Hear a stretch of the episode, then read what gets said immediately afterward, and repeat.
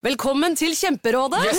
Denne gangen har vi fått inn et kjempedilemma fra en familie. Okay. Jeg leser Hei, vi er litt uenige i familien her. Mm. Hvis du skulle vært et dyr, ville du hatt gjeller eller vinger? Oi, den er tricky. Ja, hva ville dere hatt da? Altså, jeg vet ikke, men Med familierabatt får de ubegrenset data fra Telenor fra 399 kroner. Da kan de jo scrolle seg til svaret, rett og slett. Ja, ok, Men for min del Ja. gjeller. Nei, nei, Gjeller. nei, vinger. Nei, nei, gjeller. Ja, okay, ja, kjempebra. Men eh, se nye mobilabonnement på telenor.no, da. Jeg kommer bare til å si den introen, Ja. og så bare prater vi, og så Velkommen til Fru Alstad inviterer, en podkast der jeg, Mette Alstad, snakker med interessante og morsomme mennesker, og med meg i dag har jeg en veldig god venn og kollega, komiker, manusforfatter og skuespiller Hanna Kanon Klingberg. Hallo! Hallo!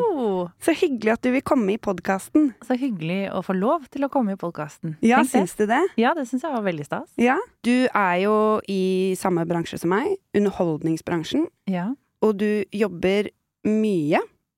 Kanskje ikke akkurat nå om dagen. Ikke akkurat nå om dagen. Jeg har jo jobbet eh, vel eh, for mye eh, i en ganske lang periode. Så de siste månedene har jeg vært eh, utbrent, rett og slett. Eller egentlig mesteparten av dette året eh, har det blitt nå. Så det har sånn sett vært et eh, litt lite produktivt år, da. Ja. I, I forhold til de foregående. Ja. Men, men vanligvis gjør jeg veldig mange ting, og håper jo å komme meg opp igjen til å gjøre mange ting igjen, bare kanskje ikke fullt, fullt så mange ting. Ikke så mange ting på en gang, kanskje. Nei. Nei. Nei. Jeg sliter jo litt med å finne den balansen, da. Ja. Eh, Den berømte balansen eh, som frilanser. For det er jo Det finnes, i hvert fall i mitt liv, bare to ulike stadier, og det er for mye og for lite. Og Enig. begge deler er veldig slitsomt. Ja. Ehm, så det å klare å leve et balansert liv i denne bransjen som frilanser, det, eh, det har jeg ikke mestret eh, 100% helt ennå. Og det skjønner jeg så godt. Og det er jo kanskje særlig hvis man eh, jobber frilans, men ikke er så berømt. Fordi hvis man er veldig berømt, så kan man få ganske høy inntekt på ting man gjør. Ja. Og dermed så kan man også balansere litt bedre, fordi da har du på en måte en, en, en god eh, slump med penger, klunk med penger, Mm. som du kan balansere ut når du gjør prosjekter som for eksempel eh, jobbe idébasert, da, finne en ny idé, så Mm. har du penger å øh, leve på. Mens øh, oss som ikke er så berømte navn, vi har jo mer en eh, vanlig til lav lønn. Det er jo på en måte målet mitt, da, å, å kunne leve av å bare være standup-komiker, eller komiker, og gjøre på en måte være aktør, da. Mm. Eh, primært, og litt tekstforfatter, men jeg er jo også utdanna journalist.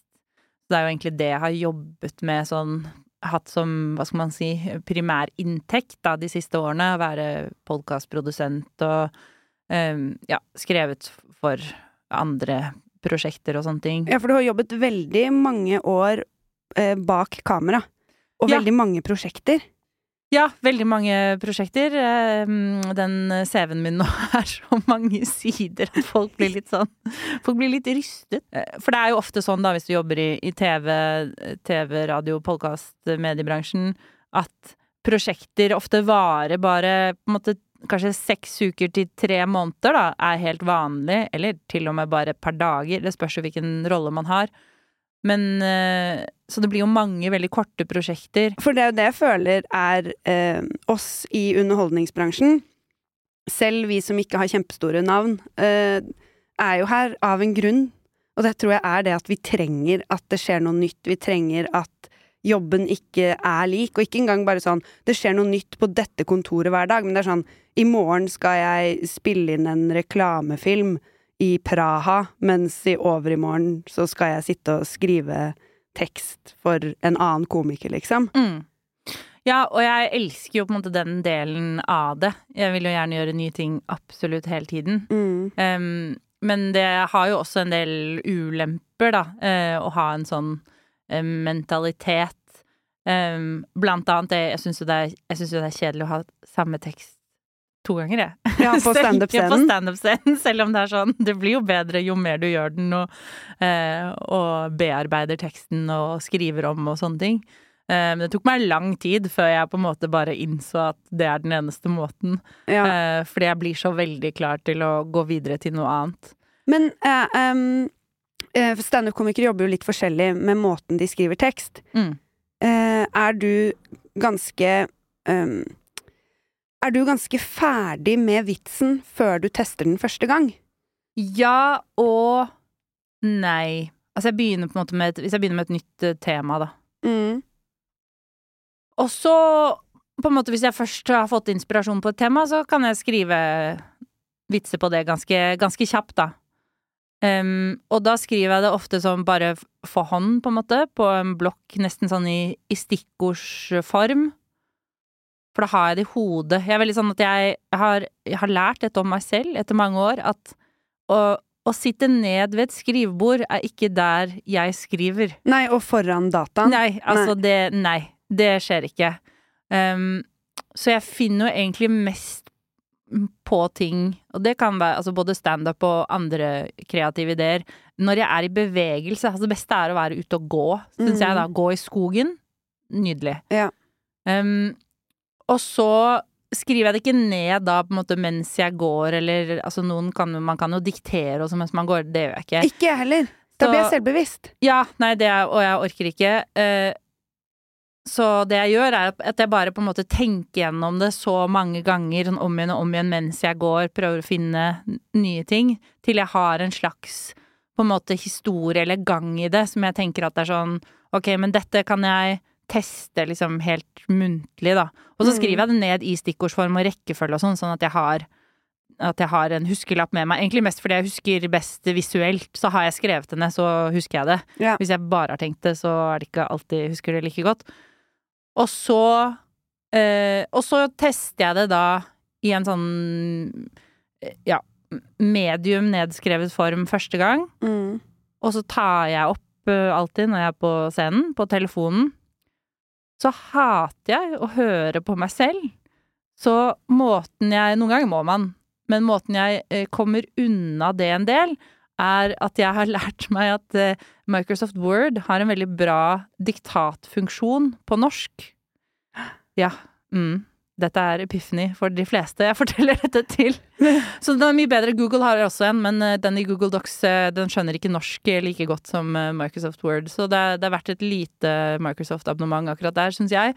Um, og så bare spiller jeg av da det jeg har sagt på scenen, rett i Mac-en. Da kan jeg gå et annet rom Ja! mens det skjer, så jeg trenger ikke å høre på. Og så komme tilbake, og så kan jeg se da hva er det Og da, da blir det jo diktert helt på en måte adlib sånn jeg har sagt det, og den skjønner ikke hvor det skal være komma og sånne ting, så du må rydde veldig i den teksten. Men det må man jo da uansett når man har testa noe. Ja, ja. Um, og da har jeg det plutselig på en måte i eh, tekstformat, og så kan jeg bearbeide det der, og så neste gang jeg gjør det, så er det mye mer ferdig tekst, da. Men da får du jo ikke med deg hvor publikum ler og sånn, som man også kan høre, eller skriver den sånn ha, ha, ha, ha. Ja, noen ganger gjør den det. Eh, så- Stående Ja, det, det har ikke skjedd. Men uh, nei da, men det, det pleier jeg også å huske.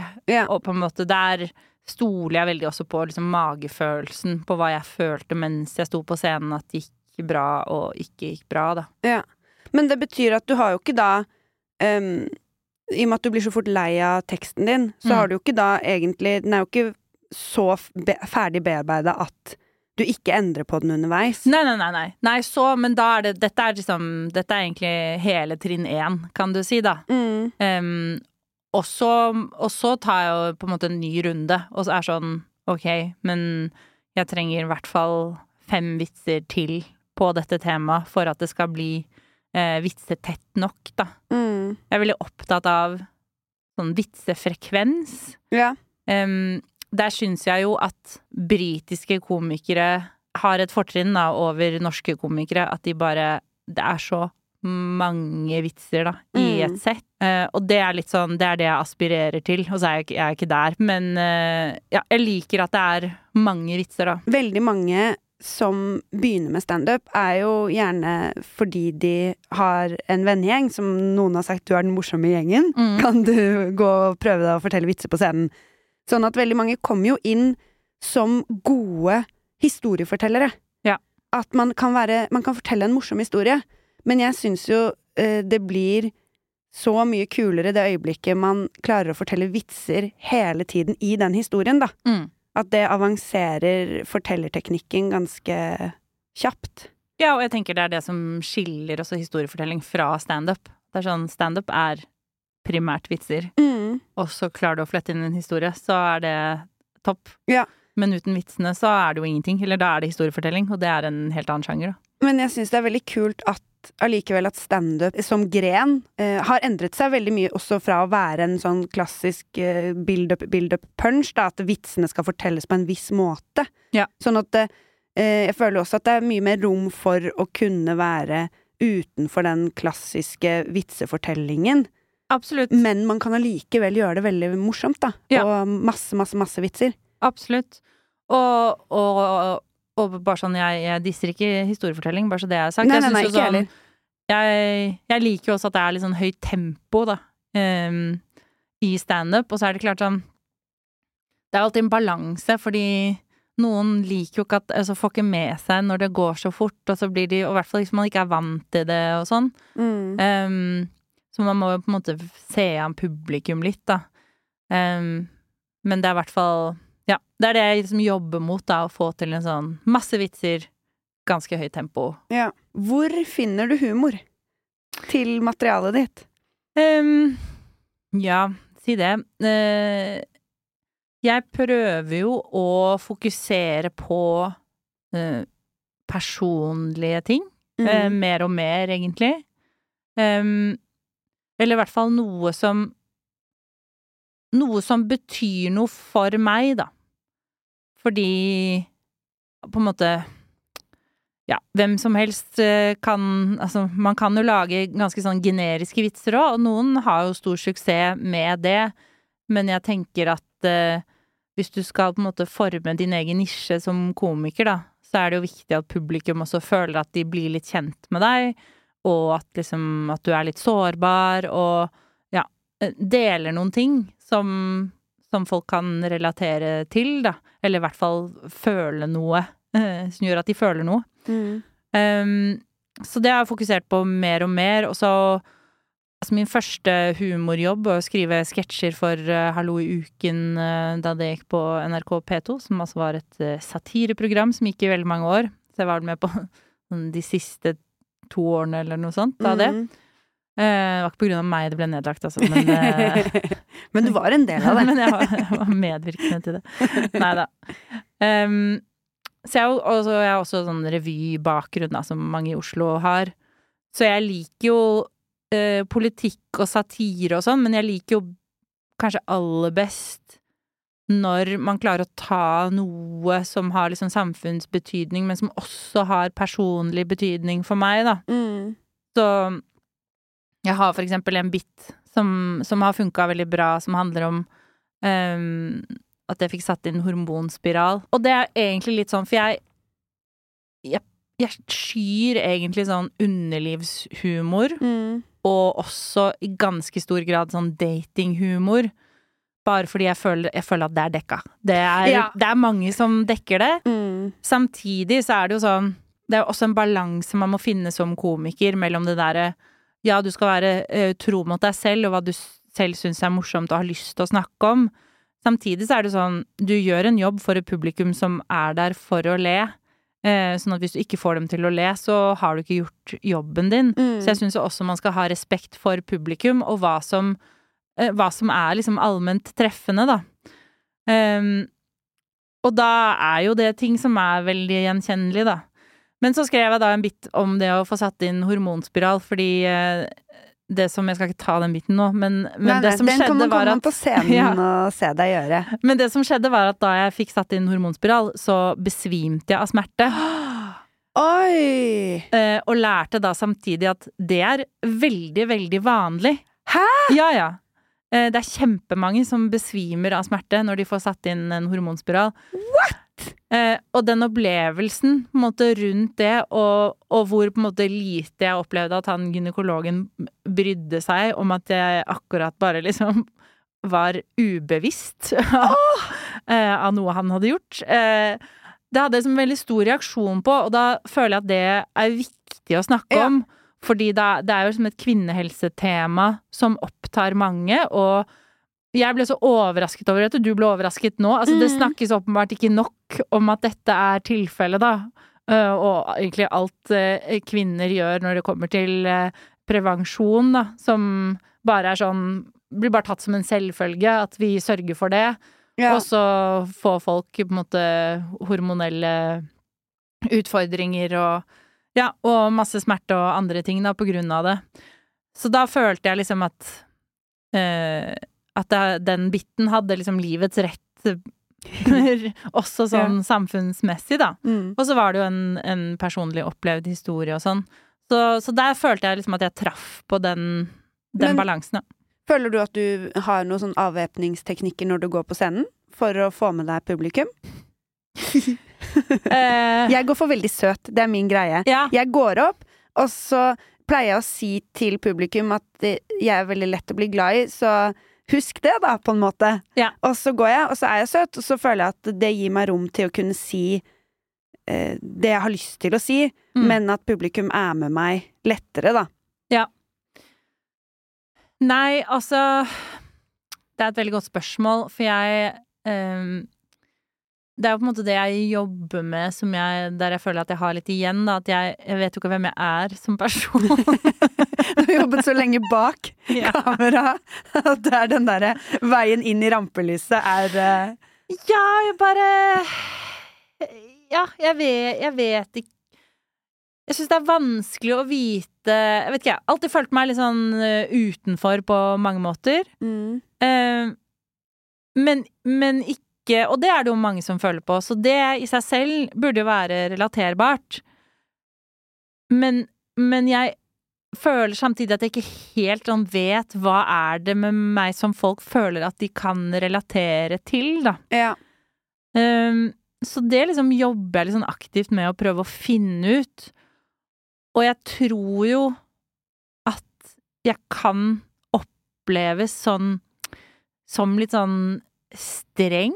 Sånn, sånn førsteinntrykk. ja. En ting som jeg, har, som jeg gjør som bare er sånn åh, Det er nesten pinlig å innrømme det, men, men altså at jeg Jeg må liksom minne meg selv rett før jeg skal på scenen at jeg må smile, begynne å smile fra jeg går bakerst og til jeg liksom er oppe på scenen. ja. Fordi i starten så bare gjorde jeg ikke det. For det er ikke egentlig Jeg er ikke så veldig på en måte glisete av meg. Nei, du er ikke storblid, liksom. Du er jo veldig blid, men Jo ikke, men ikke jeg- sånn som jeg er blid. Nei, nei. Jeg har jo ikke din Jeg har ikke sånn type liksom eh, karismatisk eh, eh, utstråling som det du har, da. Jeg føler Takk. ikke at jeg er liksom naturlig karismatisk. Eh, og det syns jeg er litt vanskelig, rett og slett. Fordi Og det har jeg på en måte slitt med, håper å si, i andre sammenhenger og en standup. At, jeg blir vel- at jeg har litt eh, lav selvfølelse, da. Ja. Så jeg, jeg Det er veldig vanskelig for meg å tro at eh, andre mennesker liker meg. Oh. Og at det liksom eh, Det smitter litt over på scenen, da. Ja. At jeg kan bli veldig redd for det. Og i starten så Da jeg begynte med standup, så sleit jeg veldig med det. At hvis det gikk dårlig, så tenkte jeg at Jeg tenkte ikke sånn Å, jeg må gå hjem og skrive noen bedre vitser, eller denne teksten var ikke bra nok. Jeg tenkte sånn Å, men det er selvfølgelig ingen som liker meg, Ja. så da, derfor gikk det ikke noe bra. er det ikke sykt at du har liksom lyst til å stå standup da? Ja. At de to kreftene jobber sånn mot hverandre, egentlig. Ja, men det er eh, Altså ironisk nok, da, så har jeg ganske høy selvtillit. Eh, og forskjellen på det er altså selvtillit handler om kompetanse. Så det at du har tro på at du er eller kan bli god i noe, Mm. det er selvtillit. Men selvfølelse handler om hva du syns om deg selv, og hva du tenker at andre mennesker eh, føler og syns om deg, da. Sånn at jeg tenker at folk ikke liker meg, men at jeg har evne til å gjøre ting. Ja, og de kan, de kan like informasjonen du gir, Ja. eller humoren du lager, men de kan hate deg mens du står og leverer det, liksom. Ja, så tanken er at måte, det jeg leverer skal være så bra at de må like meg på tross av at jeg er så lite likbar. ja. Og så forferdelig følelse å ha. Ja ja, absolutt. Um, så det anbefaler jeg ikke. Ha, ha høy eh, selvfølelse. Og det er jo ikke så lett å få heller, da. Nei, og det Altså, jeg Dette vet jo du, men altså, jeg hadde overspisingslidelse i eh, 25 år. Mm. Um, Hva er det? Mm, Det er uh, Ja. Det er jo egentlig den, den vanligste uh, spiseforstyrrelsen vi har. Men den, også den mest underdiagnostiserte. Som Mm. vil si at det er mange som har det, som ikke vet at det de har, er en sykdom. Um, men det er jo rett og slett Det kalles også tvangsspising, og jeg syns kanskje det er egentlig et bedre begrep. Men det vil jo si at du spiser veldig mye mat fordi du føler at du må. Ja. Um, men i motsetning til de som har bulimi, de gjør jo ofte det samme, at de overspiser, men så uh, går de og kaster opp uh, etterpå. Mm. Mens de som overspiser, gjør da ikke det. Um, og det for det gjør det at man eh, legger på seg.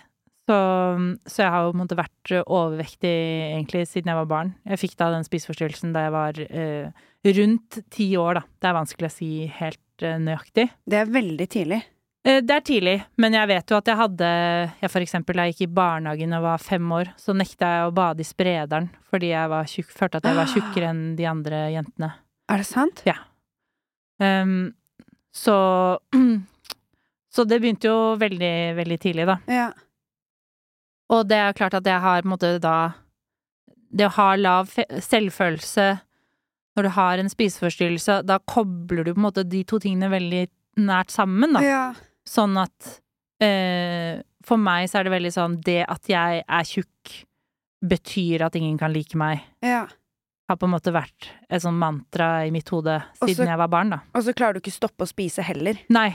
Sånn at du på en måte gjør den tingen som du tenker 'dette er grunnen til at folk ikke liker meg', Ja. og så fortsetter jeg bare å gjøre det, liksom. Ja, for det som jo er veldig vanskelig med spiseforstyrrelser, um, er jo at du på en måte bruker, i hvert fall overspising, da, så bruker du mat som medisin, for det er jo klart når du spiser, så utløser det um, så, Endorfiner. ja, endorfiner og oksytocin og sånn i hjernen, som gjør at du i en veldig, veldig kort periode føler deg litt bedre. Ja, Og det gjør jeg òg. Så ja, ikke sant. Det er det ja. veldig mange som gjør. eh, det, det er det vi kaller for trøstespising, da, på en veldig liten, liten skala. Ja. Um, men, men når det blir på en måte tvang, da, eller du føler at du ikke klarer å stoppe det, og så, så blir det jo en sånn negativ spiral, da, hvor du har veldig mange negative tanker om deg selv, og så prøver du å numme de vonde tankene med å spise litt til, Mm. og så føler du det enda verre, og så spiser du litt til, og så holder du på sånn. Kan jeg stille et dumt spørsmål? Absolutt. Um, når du da har spist masse, og Mm. føler deg helt jævlig, Mm. hva er det som forhindrer at du ender opp med å kaste opp? Sånn som hvis du skulle hatt bulimi. Mm. Altså Ja, det er egentlig et, et eh, godt spørsmål. Noen ganger har jeg jo spist så mye at jeg har kastet opp bare fordi det kom Altså, det var, Det ikke plass det var ikke plass til mer, liksom. Nei. Sånn som små barn som får ubegrenset med is. Så er det bare sånn, de vet ikke hva, hva det medfører. Um, eh, så det er klart, det har skjedd, men det der å på en måte ville kaste opp, tror jeg, eller jeg vet da, at jeg Så jeg visste ikke Det tok veldig lang tid før jeg, før jeg lærte om overspisingslidelse, og at Mm. det var en spiseforstyrrelse. Norge henger veldig, veldig langt etter, egentlig når det gjelder alle spiseforstyrrelser. Um, så overspisingslidelse ble først en egen diagnose i Norge i om det var 2021 eller 2022. Er det sant? Mm. Um, før det så fikk man da andre diagnoser. Så min diagnose, og det er for så vidt også riktig, at jeg har, eh, hadde det som kalles atypisk bulimi, som er da eh, fordi bulimi også har denne overspisingskomponenten. Mm. Og så har de da en eh, taktikk, da, for å eh, på en måte motvirke eh, å legge på seg, da, ved at de kaster opp, sant. Ja, så det er på en måte Men Så det er liksom Mens jeg da hadde overspising, men så kastet jeg ikke opp, men jeg trente veldig mye. ja. Sånn at det er en annen form for taktikk, da. Som hvor du prøver å motarbeide det første du har gjort, Ja. som er å spise for mye. Mens ren overspisingslidelse, så har du ingen sånne kompenserende atferd, kalles det da. Eh, når du da enten trener eller kaster opp, eller, Ja. eller tar avføringsmidler. Folk gjør mye, ikke gjør noen av delene. Men eh, eh, Ta heller og, og søk hjelp. Absolutt. Eh, Men fordi Men jeg, jeg pleier bare å kalle det overspisingslidelse, for det er litt lettere for folk å, å forstå. Men jeg, i hvert fall da, jeg visste ikke at det var en egen lidelse. Og så øh, visste jeg jo på et eller annet nivå da at jeg hadde liksom utfordringer med mat, men jeg følte at hvis jeg hadde begynt å kaste opp, så hadde jeg blitt syk, hvis Ja. du skjønner. For det var det jeg tenkte Ja. på nå når du snakket nå, er jo akkurat det at hvis denne diagnosen egentlig ikke har uh, i hermetegn fantes i Norge før 2021, Mm. så eh, er du jo på en måte ikke syk før du kaster opp. For da har du bulimi. Nei, det er det, og det har vært veldig vanskelig, og det er jo mange da um, som jobber med, med folk med spiseforstyrrelser, som har Altså, de har holdt på i så mange år med å prøve å få dette inn i eh, diagnoseoversikten. Mm. Um, og så gikk det til slutt, da. Men det har tatt veldig, veldig lang tid. Og det, det bidrar jo til, for sånn som helsesystemet er i Norge, så har du heller ikke krav på hjelp hvis du ikke har en diagnose. Nei. Ehm, og jeg, da jeg først begynte i behandling eh, eh, mot spiseforstyrrelser, da var jeg 25, så hadde jeg allerede hatt det i 15 år, da. Å, Fy søren. Det er Eh, altfor lenge. Ja. Uh, men da fikk jeg plass i en sånn gruppeterapi, kunstterapi. Eh, ja da, kunstterapi, hvor man sitter og Da begynte du med standup? ja, det er riktig. Da begynte jeg å skrive vitser. Nei. Eh, eh, Det var din kunst. Nei, men det er faktisk eh, Du sitter i Ja, du sitter i et rom, og så har du litt samtale først, og så skal alle gå og lage et kunstverk, og så skal du snakke om eh, du, kan, altså, du kan tegne en tegning, eller du kan lage en skulptur, hva som helst. Og så møtes man i sirkel igjen, og så presenterer alle hva de har laget, og så snakker du om det du har laget. Og så viser det seg alltid, alltid eh, Det var mange dager hvor jeg var sånn Jeg skal ikke lage noe med mening, for jeg orker ikke å snakke om noe i dag. Mm. Og så lager du et eller annet, så begynner du å snakke om det, og så er det sånn faen, det er, her er det Her er det masse, her er masse traumer jeg trodde jeg ikke husket at jeg hadde, som jeg plutselig har eh, på en måte liksom bygd i ispinner. Altså, det er bare sånn Det er kjemperart. Jeg var så skeptisk til det da jeg begynte der, men det har virkelig det har noe for seg, altså. Det har det. Um, Jeg har hørt veldig mye positivt om gruppeterapi, uavhengig av om det er med kunst eller ikke. Men det der å faktisk eh, ta inn over seg problemene sine også i eh, et rom med andre, Ja. har en ganske god effekt. Det, det kan ha det, men jeg tror jeg hadde nok egentlig hatt behov Det som har hjulpet meg mest, er individuell terapi. Ja. Uh, og det som heter uh, kognitiv atferdsterapi, spesielt utviklet uh, mot spiseforstyrrelser. Som er en italiensk forsker som har laget et eget program mot det. Mm. Som jeg da begynte på i 2020. Og da tok det bare fire måneder, og så var jeg helt symptomfri. Å, fy søren, så bra. Mm, og ja, det var kjempebra, og det var helt fantastisk. Og jeg føler jo da Altså, januar 2021, og så tok jeg de diagnoseskjemaene på nytt, og oppfyller ikke lenger kriteriene for å ha en spiseforstyrrelse. Så ja. Applaus! Takk. Og jeg føler sånn helt oppriktig at måte, livet mitt begynte i januar 2021. Jeg har en sånn Mm. veldig sterk opplevelse av det, fordi alt var så annerledes, da. Um, jeg har tenkt på sånn hvordan man kan beskrive det for noen som ikke har opplevd det samme, men for meg så er det litt sånn Det er som om det bor et annet vesen.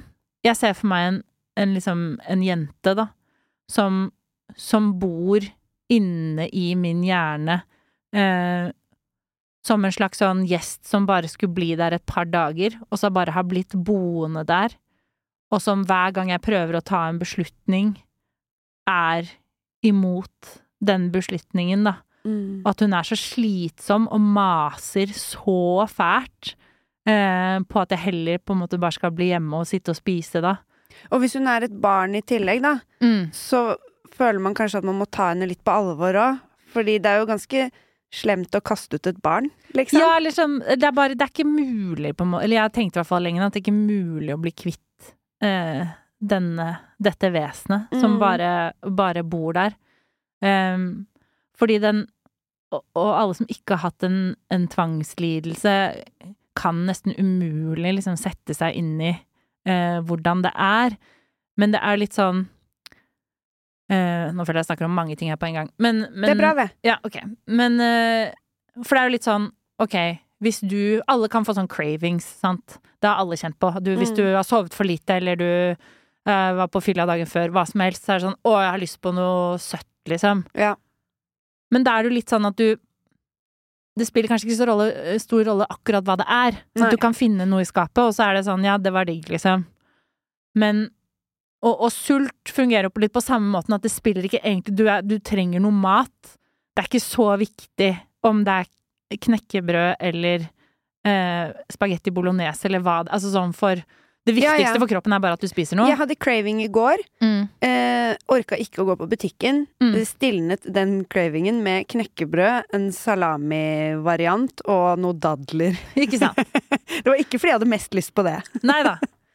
Eh, men jeg, sånn jeg opplevde liksom overspisingslidelsen, så er det på en måte at det blir sånn Jeg har lyst på Jeg har lyst på Stratos. Det er sånn helt spesifikt. Jeg har lyst på Mm. Stratos. Og så kan jeg si til meg selv sånn Nei, men skal ikke ha noe Stratos i, i dag, liksom. Det er midt i uka, vi trenger ikke noe Stratos. Og så kommer det igjen sånn Men jeg har lyst på Stratos. Og så Men hva med en Stratos? Og så er det sånn Nei. Og så prøver jeg liksom gjenta for meg selv da, nei, nei, ikke noe, ikke noe, jeg har ikke noe, vi har ikke Stratos. Det blir ikke noe Stratos. Ja, men jeg har lyst på Stratos. Og så hva med en Stratos, da? Og så, sånn, og så blir det sånn økt frekvens. Blir nesten sånn som Husker du leken Prikkedøden på Ja. barneskolen? Noen som bare prikker deg sånn hardere og hardere på armen, raskere og raskere. Til slutt er det sånn Det blir kjempevondt, sant? Ja. Det er sånn Stratos, men du må ha en Stratos. Du må gå til butikken og kjøpe en Stratos. Skal du ikke ha en Stratos? Du må jo ha Stratos. Stratos. Du får ikke gjort noe før du har spist en Stratos. Du må kjøpe en Stratos, da. Gå og kjøp en Stratos. Det er butikken rett på hjørnet. De har Stratos. Du ha en Stratos? Og til slutt er det sånn Det er, den e det er, det er ikke noen andre tanker, da. Alt annet blir liksom overdøvet Ja. av det til du går og kjøper den Stratosen, og så Og så går det bare rett over på noe annet. Sånn med potetgull. Du må jo ha potetgull. ja, ikke sant? For det er ikke sånn da stilner den jenta eller det Nei. vesenet. Da er det bare ja, takk for stratet. Det er som en hund. Ja. Det er som hunden min. Hvis han tigger lenge nok, så får han noe. Så tenker jeg sånn, da er du fornøyd. Mm. Men da er det bare sånn å, yes! Ja. Her Du- var det åpning for å Ja. få ting. Ja. Ja! Ikke sant? Og det, er, og det er da, ikke sant, og så blir det bare en sånn spiral, og så er det jo veldig fort at man tenker sånn, ok, men denne dagen er uansett ødelagt. Så nå er det for seint, så nå kan jeg like gjerne spise alt. Kunne du da føle at folk skjønte at hvis du gikk da og handla en Stratos, Mm. at og her er det en som har bukket under for presset, liksom? Eller?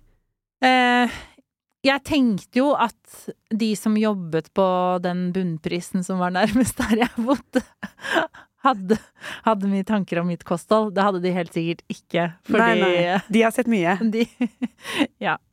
De ser mye rart. Men, eh, men ja. Det er jo veldig mye skam da knyttet til, eh, til spiseforstyrrelser generelt, som var det jeg skulle si i stad, som jeg, jeg var glad over i noe annet. Men, men det med gruppeterapi, at det var sånn Noen ting hadde jeg liksom så mye skam på at det var helt umulig for meg å dele det i en gruppe. Ja. Um, så derfor tenker jeg det, men ofte så blir man også plassert i gruppeterapi fordi det er den rimeligste behandlingsformen. ja, ikke sant. Um, men jeg tenker at jeg hadde hatt mer behov Jeg tror nok jeg ville raskere kommet meg ut av det hvis jeg tidligere hadde fått tilbud om eh, individuell terapi. Og så syns jeg det er en skandale at eh, Altså kognitiv atferdsterapi er det veldig få som eh, driver med i Norge som mot spiseforstyrrelser. Samtidig som det er den absolutt eh, mest eh, suksessfulle og vanligste behandlingsformen mot spiseforstyrrelser i egentlig alle andre, eh, i hvert fall vestlige land, og har vært liksom standardbehandling i Storbritannia siden 1986. Eh, og her er det sånn, det er så vidt folk har hørt om det. Altså, det er helt hårreisende, da. Um, men det er liksom, det har 60 um, 60% blir helt friske på første forsøk. Så Det er jo kjempehøy suksessrate. ja, ja. Kjempehøyt. Sånn at alle burde jo bare gå rett på å prøve det først. Og det er jo ikke så dyrt heller. Nei, det er Eller nei, selvfølgelig- altså, Den personen, altså terapien, men nei, men det er jo sånn som altså For meg holdt det med fire måneder, liksom. ja. Så Nei, så det er Jeg kjenner jo på en del sånn bitterhet på at det er sånn Hvorfor fikk jeg ikke prøve dette eh, da jeg var 25, da? Mm. Um, Ja, det forstår jeg kjempegodt. Så men, eh, men på en annen side så kan du si sånn Kanskje jeg ikke var moden for det. Fordi da jeg begynte terapi, hadde jeg aldri Altså, jeg hadde aldri snakket om en følelse i hele mitt liv. Jeg visste ikke hvordan man Visste hvordan man snakket om hvordan man hadde det. Um, Og hvis du da har gått så mange år, da du bare da du var 25, så hadde du gått 15 år med dette. mm, Eh, gått 15 år og sagt til deg selv at eh, du kan ikke elskes. mm, Eh, så skal det ta ganske lang tid, ser jeg for meg, før du kan komme til det punktet hvor Fordi det å bli frisk er jo egentlig å begynne å tro på at du kan bli elsket, da. Ja. På et vis. Ja. Eller i hvert fall sånn det å unne deg å ha det bedre. Ja, det er på en måte Jeg tenker det er, det er to ting, da. Det er, uh, det er det du sier der, liksom. Det er en sånn emosjonell endring og holdning til deg selv. Uh, og så er det jo også veldig mye av på en måte Når du har hatt en spiseforstyrrelse lenge, da, så blir det blir sånn automatisert atferd. Så du gjør det Og det føles jo også som tvang, så du på en måte gjør det helt automatisk.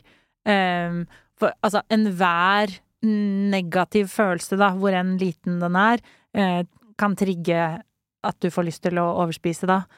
Um, sånn at, men det kognitiv atferdsterapi handler på en måte ikke egentlig om emosjonene, men handler helt konkret om å endre handlingsmønster, tvinge deg selv til å uh, rett og slett bare liksom eh, leve livet ditt på en annen måte, da. Det er veldig sånn hvor du må planlegge alle måltider dagen i forveien og sånn, sånn at du ikke kan eh, gå utenfor det og, og gjøre noe spontan, altså spontane endringer. Mm. Um, fordi Som trigges av følelser, for eksempel, da. Sånn at du isolerer og gjør mat til noe egentlig noe veldig, veldig kjedelig. Ja. Eh, men at det da har en veldig positiv funksjon. At du ikke kobler sammen hele tiden følelser og mat, da, men holder de liksom adskilt. Har du noen gang eh, følt på savn etter den, det lille vesenet, eller Nei, det har jeg ikke, men ehm, det som på en måte har vist seg, da ehm, For som sagt så, så ble jeg da ja, friskmeldt, da, hvis man kan kalle det det, i januar eh, 2021. Og så har jo da eh, februar eh, 2023, da, så eh, cirka to år etterpå, så var jeg helt utbrent. Ja. Og jeg har jo sett nå i etterkant, og snakket med legen min og sånn, og psykolog, om, om det, og sett at det er en klar sammenheng der, fordi jeg har et veldig høyt aktivitetsnivå, og det å overspise var på en måte det eneste tidspunktet i livet mitt hvor jeg satt stille. Sånn at jeg brukte det, og det å spise for meg var på en måte synonymt med avslapning. Mm. Sånn at etter at jeg sluttet med det, så har ikke jeg egentlig noen gode strategier i livet mitt for hvordan jeg skal slappe av. og da Jo, men jeg skjønner da- det jo! Så har jeg liksom bare vært med sånn Duracell-kanin, da, i to år. Til jeg bare ikke gikk mer, liksom. Og jeg, ja, jeg havna på sykehus, jeg fikk Jeg hadde seks infeksjoner på tolv uker. Altså, det var bare Kroppen var bare sånn Den kollapset. Nei, ja, kol- kollapsa helt. Ehm, sånn at eh, Ja, der har jeg litt å, å lære, da. Så, så du kan si at det er sånn Jeg, jeg savner å, å vite hvordan man slapper av, Mm. men samtidig kan du si jeg har på en måte aldri visst det, da, fordi jeg har hatt en veldig sånn negativ eh, taktikk Ja. for, å, for å gjøre det. Og det er jo ganske fascinerende da at det, det som måtte til for deg, selv når du vet at du er det, Mm. så er det det at kroppen din bare skrur seg av Ja. og sier sånn Ja, men ok, du hører ikke etter, Mm. så da må jeg gi deg feber, da. Da må jeg faktisk gjøre deg så dårlig at du ikke, Ja. ikke får gått på jobb. Ikke får jobba. Og det er på en måte Det er jo det jeg opplever, da, at det er liksom kroppen slites ut før hjernen. Mm. Sånn at til og med Jeg husker det var i Jeg tror det var i juni. Uh, og For jeg husker jeg var på hytta og lå i senga på hytta, og jeg var så sliten at det var sånn Jeg kunne ikke løfte armene. Altså, jeg bare lå som om jeg var liksom fanget i min egen kropp. Og likevel så var hjernen min sånn Nei, hvorfor skal vi ligge her, da? Det er jo dødskjedelig å ligge her. Hva driver du med nå? Det er å ligge stille? Nei, kan vi tenke på noe? Så bare sånn, jeg orker ikke å tenke på noe. Jo, vi må tenke på noe. Begynner å planlegge masse ting. Skal vi høre på noe, da? Nei, her, vi skal bare ligge her, da. Så bare sånn, men jeg Nei, Dette går ikke. det går ikke, liksom. Du må Så er sånn, hysj, kan du bare Kan du ta deg en pause, liksom? Nei, nei. Men det eh, har du jo gjort. Ja. Fordi du eh, er jo Det er jo ikke veldig lenge siden at du kom tilbake til Norge etter en liten tur til Canada. Er det Ja. riktig? Ja, det er Ja. en liten tur, vet jeg ikke om det var, for det var to måneder, men eh, Men en, en svipptur innom Canada. ja, Og også utbrent retreat. Er det riktig? Ja. Utbrent retreat? Altså, det var ut, Jeg kaller det en utbrent leir, da. Um, så jeg, jeg fant da, fordi det var flere grunner til det, men jeg er dårlig til å, å hvile, og jeg er også veldig dårlig til å liksom, si nei til ting. Og jeg innså at det er sånn, hvis jeg skal bli kvitt denne utbrentheten, så må jeg liksom forflytte meg ut av landet. Yeah. Sånn at jeg ikke kan si ja til, ja til ting jeg ikke burde være med på akkurat yeah. nå. Og så søkte jeg, søkte jeg litt rundt, og så fant jeg da en sånn Altså, det er en health retreat, da, er det det de kaller det egentlig, ja. um, i Canada, men som har veldig mye fokus på um, altså stressreduksjon, da, og hvordan man uh, ja, hvordan man håndterer stress i hverdagen, og både unngår å bli utbrent, og hvordan man kommer seg etter at man har blitt eh, utbrent, da. Uh, så det er jo egentlig på alle måter en utbrent eh, leir. -hmm. Eh, så da Og den var bare én uke, altså, men så var, var jeg samtidig da på Etter den så reiste jeg liksom rundt på egen hånd og ga meg selv tid til å implementere noe av det jeg hadde lært, da. ja. Ehm, Hva lærte du? Ja. Eh, jeg lærte eh, veldig, veldig mye forskjellig. Eh, det som Lærte altfor mye. ja. Ble utbrent av å være der. Nei, men det eh, Ja, hvor skal jeg begynne? Altså, det var Du kan begynne aller først mm, med å snakke om bjørnene. Ja. For det altså, Jeg har sett bilder av at dere måtte henge opp maten deres i trær. Ja, det må man eh, generelt når man går tur eh, i Canada og USA, i områdene hvor det er mye bjørn, da. Så hvis du kommer ned til et vann, for eksempel, så Ja. må du henge opp Så er det sånne um, egne flaggstenger, på en måte, hvor du henger, henger maten din høyt opp, så ikke bjørnene kommer og tar den. Men er de ikke farlige for mennesker, disse bjørnene? Jo da, eh, de er jo det Det spørs, altså det finnes to typer bjørn, så det er sortbjørn og brunbjørn, eller grizzly, da. Å, Eh, og grizzlybjørner er jo ganske farlige, eller veldig farlige. Mm. Eh, sortbjørner kan være farlige, men de er Først er de mye mindre enn grizzlybjørner, og så er de eh, veldig menneskesky, så de vil egentlig ikke ha noe med mennesker å gjøre. Um, så Og det gjelder for så vidt eh, grizzlybjørner òg. De har de, Det er jo ytterst sjelden at noen blir angrepet eller drept av en bjørn. I hvert fall Mm. drept er veldig sjelden. Men når det skjer, så er det som regel fordi eh, bjørnen har blitt overrasket. Og det er, sånn, det er det de hater aller mest, er å bli overrasket. Da, da har de bare én funksjon, og det er å, å gå i forsvar. Og et forsvar for en bjørn, det er et angrep. Så dermed et forsvarsangrep, da. Ja. Um, Så aldri lag overraskelsesbursdag. Nei, det er akkurat det du ikke må gjøre. Så stjal du vitsen min. Nei, er det sant? Er det sant? Unnskyld! Nei, nei, nei, det kan ikke du vite. Ah. Jeg liker like gjerne tenke likt. Ja, Nei, Vi klipper ut at jeg sa det, så fortsetter du. Eh, nei, nei, men jeg har akkurat tenkt på det. At det er, uh, det er den siste du skal lage surprise party for. Ja, for Bamse Bamses uh, Bamses 50-års. Det må ikke være et surprise party. ender opp i en massakre. Ah, Det er veldig gøy. Ja. Del to. Ja. det er den Det var det. Det skulle Han skulle fylle 50 år. det- Ja. Nei, men ja, så de, de hater å bli overraska, og så Ja, så du må lage masse lyd og sånn når du går, eh, sånn at liksom bjørnene kan høre at du kommer, for da skygger de banen. Ja. Så, så det er veldig sjelden man ser en bjørn i det hele tatt. Men på denne retreaten, da, som lå ganske sånn dypt eh, inne i skogen, i områder med veldig få andre, andre hus og sånn, mm. mm, så var det en ganske sånn stor hage med et stort valnøtttre. Og så satt da vi hele gruppa, vi var elleve stykker som var der den uka jeg var der, da. Så satt vi hadde en forelesning om ernæring av alle ting. Og så liksom bare kikker bare sånn ut gjennom vinduet til venstre, og så sitter det faen meg en bjørn under det valnøttreet eh, og begynner å spise valnøtter, da. Eh, og den var kjempesøt. Og han bare satt der og koste seg. Og så er det sånn, mens hun derre dama står der og snakker om liksom eh, å spise fett i moderasjon, og så sitter den bjørnen utafor og bare Flerumettet fett i disse nøttene! Og så, og så dagen etter, var det vel, så hadde vi en annen forelesning om, eh, om Ja, det var om noe stressreduksjon eller søvnhygiene eller et eller annet. Um, og da kom en annen bjørn, da. Uh, for den var, den var mindre og liksom De heter sortbjørn, men de kan ha forskjellige farger. Det er forvirrende. Så det var en brun sortbjørn, da. Ja. Uh, som kom inn. Men han var så liten, han fikk ikke tak i valnøttene. Nei, så han kava verre. Han klarte bare å spise de som hadde falt ned på bakken. Åh. Og så kom plutselig den første bjørnen tilbake, mens da den Lille- brune lillebjørnen Ja. var der. Eh, og da ble det sånn eh, eh, territorie Fordi de er veldig Altså, de er jo einstøinger, disse bjørnene. Oh. Så de liker ikke andre bjørner.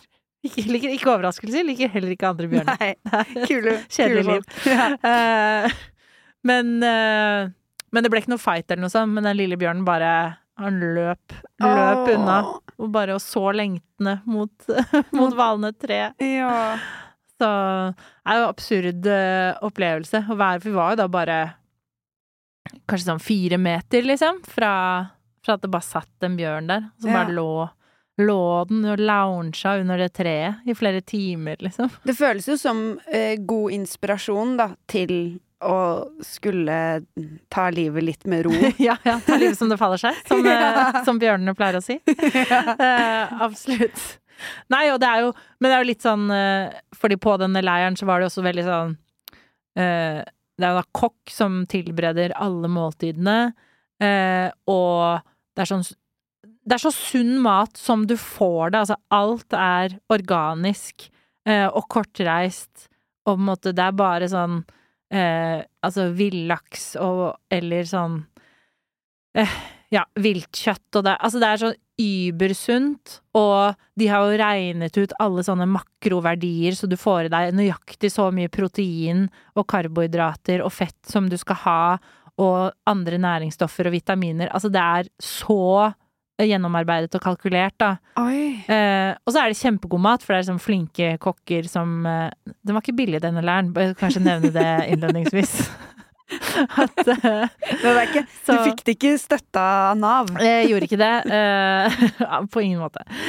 Men uh, Nei, så det er jo sånn Det er jo sunnere mat enn jeg har spist liksom noen gang i mitt liv. Og bare det i seg selv har jo en enorm helseeffekt. Mm. Uh, men du kan jo heller ikke da Det er helt sukkerfritt og koffeinfritt og alkoholfritt hele uka. Ehm, så det er jo på en måte Du får jo ikke spise hva du vil. Du får akkurat den maten som du får.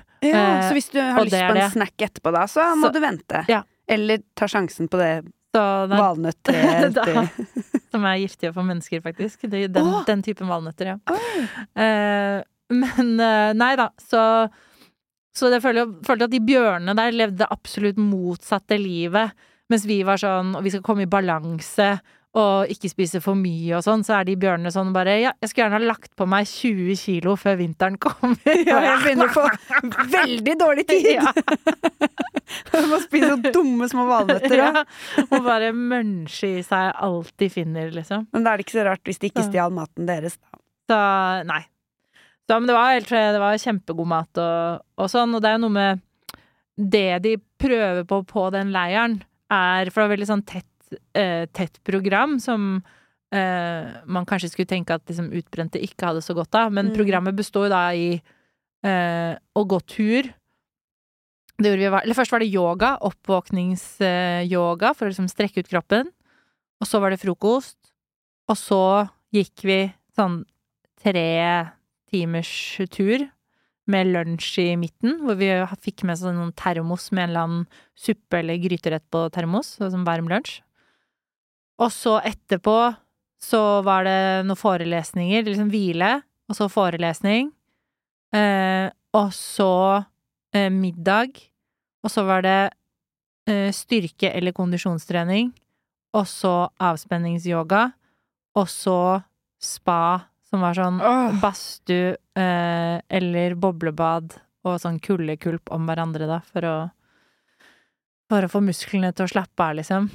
Og så Og så ni timers søvn hver natt. Fikk du sove ni timer, da? Så Hvis man har råd til det, ja, er det verdt det? absolutt. Ja. ja. ja. det var helt fantastisk. Og, men poenget da med å ha den, liksom den timeplanen, eh, og med måltider som du heller ikke bestemmer over, er at du skal ha en uke hvor du tar færrest mulig valg. Mm. Og det snakket de veldig mye om, og det var veldig nyttig eh, for meg. Eh, at hjernen din da har kapasitet per dag til å ta mellom 250 og 300 valg. Eh, men sånn som vi lever i dag, så krever vi at hjernen skal ta mellom 2500 og 3000 valg. Altså ti ganger så mange valg som den egentlig har kapasitet til å ta. Og det betyr at når du kommer hjem fra jobb, så har du allerede tatt altfor mange valg. Eh, og så fortsetter du da å tvinge deg selv til å ta valg. Da tar du også dårligere valg. Mm. Um, og det har jo både med på en måte hva vi spiser, og sånn hvorvidt du skal dra på trening eller ikke, ikke sant. Alle disse tingene som mange har kjent på at de ikke har overskudd til. Og det er jo fordi du er ikke nødvendigvis fysisk sliten når du kommer hjem fra jobb, men du er mentalt sliten fordi du har tatt så mange valg. Um, så på denne leiren så var det sånn, det var ingen valg å ta. Alt var bare bestemt uh, for deg. Du skal gjøre disse tingene. Du har med deg et veldig sånn begrenset klesutvalg, så du trenger heller ikke Det er sånn, ja, selvfølgelig skal du ha på deg treningstøyet ditt, for du skal på trening Altså, du Mm. trenger ikke Nå regner du til. Ta på regnjakka, Ja. vel. Ja. At det er Ja. Um, sånn at det å eliminere unødvendige valg i hverdagen, da, det er noe som jeg har litt sånn fokus på nå.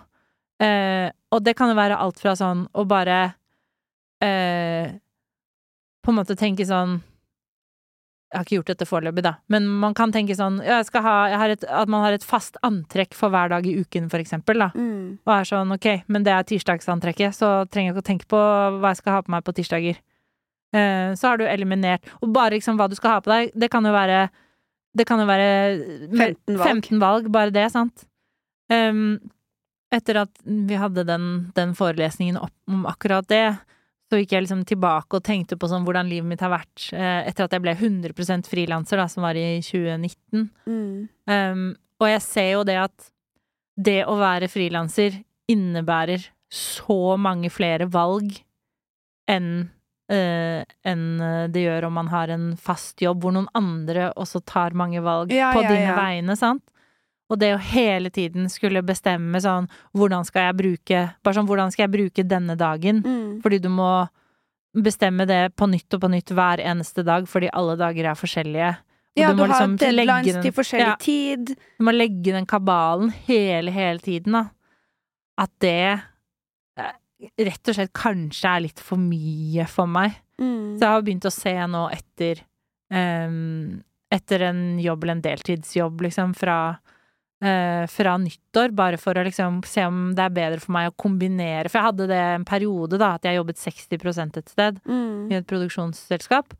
Um, hvor man da både får litt rutine, eh, også med sånn tanke på det å stå opp og ikke, for jeg er veldig B-menneske, så Ja. liksom har litt sånn orden på akkurat det. Mm. Um, og får vært en del av et miljø, så det er jo mer liksom sosialt eh, enn å sitte veldig mye liksom hjemme alene og jobbe. Og at det da, i hvert fall tre dager i uka, så er det liksom noen som Det er noen som har bestemt hva du skal bestemt, gjøre. Ja, bestemt hva du skal gjøre. Så, så jeg tenker at det er fordeler med det, og samtidig så vet jeg jo at jeg eh, Ja, jeg elsker jo egentlig når det skjer masse hele tiden, men det er den derre admin-delen Mm. som blant annet innebærer å ta mange valg, da, som jeg blir veldig sliten av. Det som også går an, Mm. etter hvert, som du blir et eh, større og mer eh, household name Mm. Eh, og egentlig ikke vente så lenge, da, men um, vurdere en manager. Ja. Fordi de også tar jo mye av den jobben som er den admin-delen som eh, Altså, det spørs jo hvor mye du har råd til å betale for òg, men jo mer du har råd til å betale, jo større del kan jo de også gjøre. Mm. Alt fra bare sette opp en ukeplan, liksom. Jeg vil gjerne ha en manager, hvis det er noen managere som hører på, så Ja. kan de melde seg. Ja, men for all del, ta kontakt med Eh, med hannaklingberg.gmail.com. Ja. Mm. Send en mail dit. Um, før vi runder av, fordi dette må jo rundes av på et eller annet tidspunkt, selv om det er helt sykt spennende å høre på, Ja, alt mulig, så tenkte jeg på det, fordi du har jo da vært igjennom hele denne reisen, Mm. og alt dette resulterer på et vis i at du nå prøver å få god selvfølelse på scenen. Mm. Um, hvor langt er du på vei med det? Um, Altså, jeg føler at jeg er Som jeg sa, jeg føler jo at livet mitt begynte i januar 2021.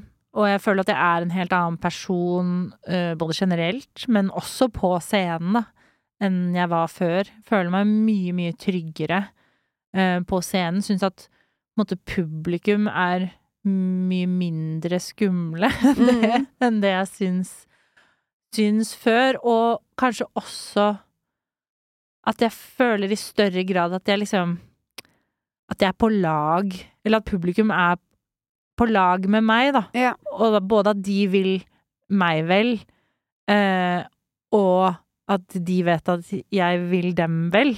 Vi Ja. er der jo begge for å ha det gøy. Så det handler jo mye om Hvis jeg slapper av, så slapper publikum også mer av. Er vel det jeg har lært. Mm. Mens hvis jeg er veldig anspent, så smitter det veldig fort, da. Ja. Nei, skal vi ta den der, Hanna? Jeg syns det. Tusen takk for at du ville være med i Fru inviterer, og jeg heier så mye på deg, og jeg gleder meg til det norske folk bare skal se mer og mer og mer av deg. Du er Tusen takk for det. kjempemorsom. Takk. Til alle lyttere der ute, fortsett å høre på, da vel! Og gi fem stjerner og følg og alt det der. Du kan, kan promotere at jeg er med på Latter Live sesong fem, kanskje? Ja!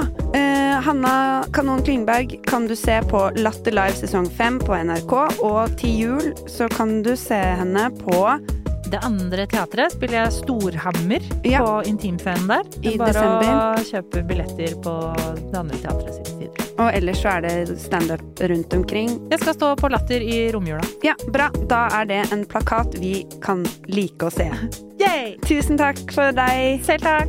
Ha det bra!